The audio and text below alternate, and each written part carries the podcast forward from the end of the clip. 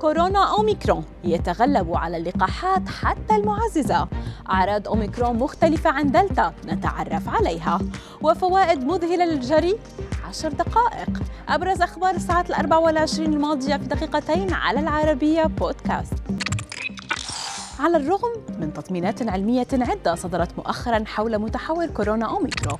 أعلنت وكالة الأمن الصحي في المملكة المتحدة أن متحور فيروس كورونا الجديد ينتشر بسرعة في أنحاء البلاد. لافتة إلى أن الجرعة المعززة من اللقاحات لا تمنع الإصابة به إنما تخفف أعراضه.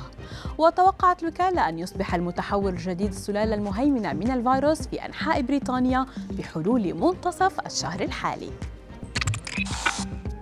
أوضحت رئيسة الجمعيات الطبية لجنوب إفريقيا أن أوميكرون مختلف تماما عن دلتا شارحة أعراضه.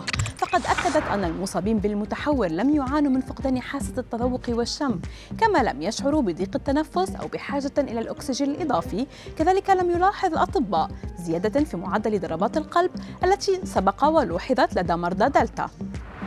فأعراضه مشابهة للبرد أو الإنفلونزا فالمرضى يعانون من الصداع وآلام في الجسم وكذلك التهاب خفيف في الحلق دون سعال سيء أو سيلا في الأنف أو حتى احتقان.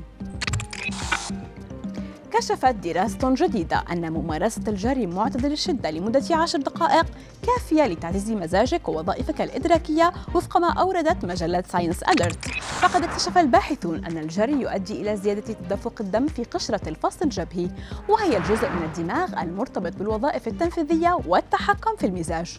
وثبت أنه يطيل العمر الافتراضي ويبدو أن كل هذه الحركة المنسقة تمنح الدماغ أيضا المزيد من التفكير فيه.